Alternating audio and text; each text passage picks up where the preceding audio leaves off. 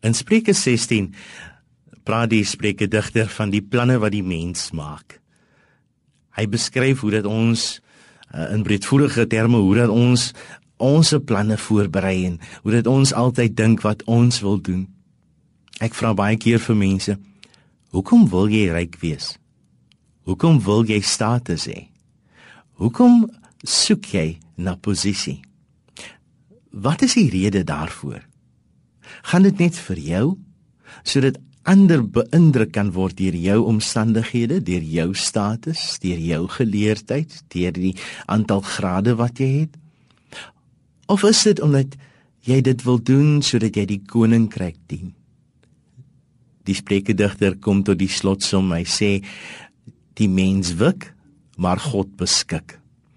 God laat dit uitloop soos dit moet. Laat dus jou weer aan die Here oor want hy sorg vir jou.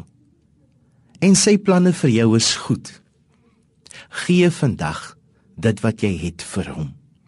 Jou toekomsdrome, jou potensiaal, jou planne, alles. Gee dit vir hom. Kom tot by die punt waar jy kan besef sonder God en sonder Christus is ek niks. Beteken dit alles niks? Is dit alles maar dinge wat op hierdie aardige oë en asel kan oorword? Maar dit gaan my niks baat in die ewigheid nie. Koppel dus jou drome aan die ewigheid. Koppel jou planne aan die koninkryk.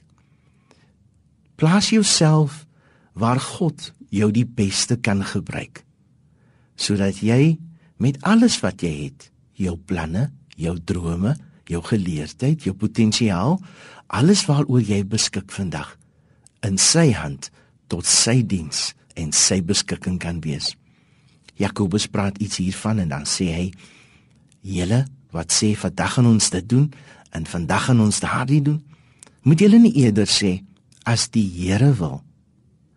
Kom, kom ons gee onsself oor aan die Here, ons planne, ons drome, ons familie, ons dierbares, ons liefdes, ons passies.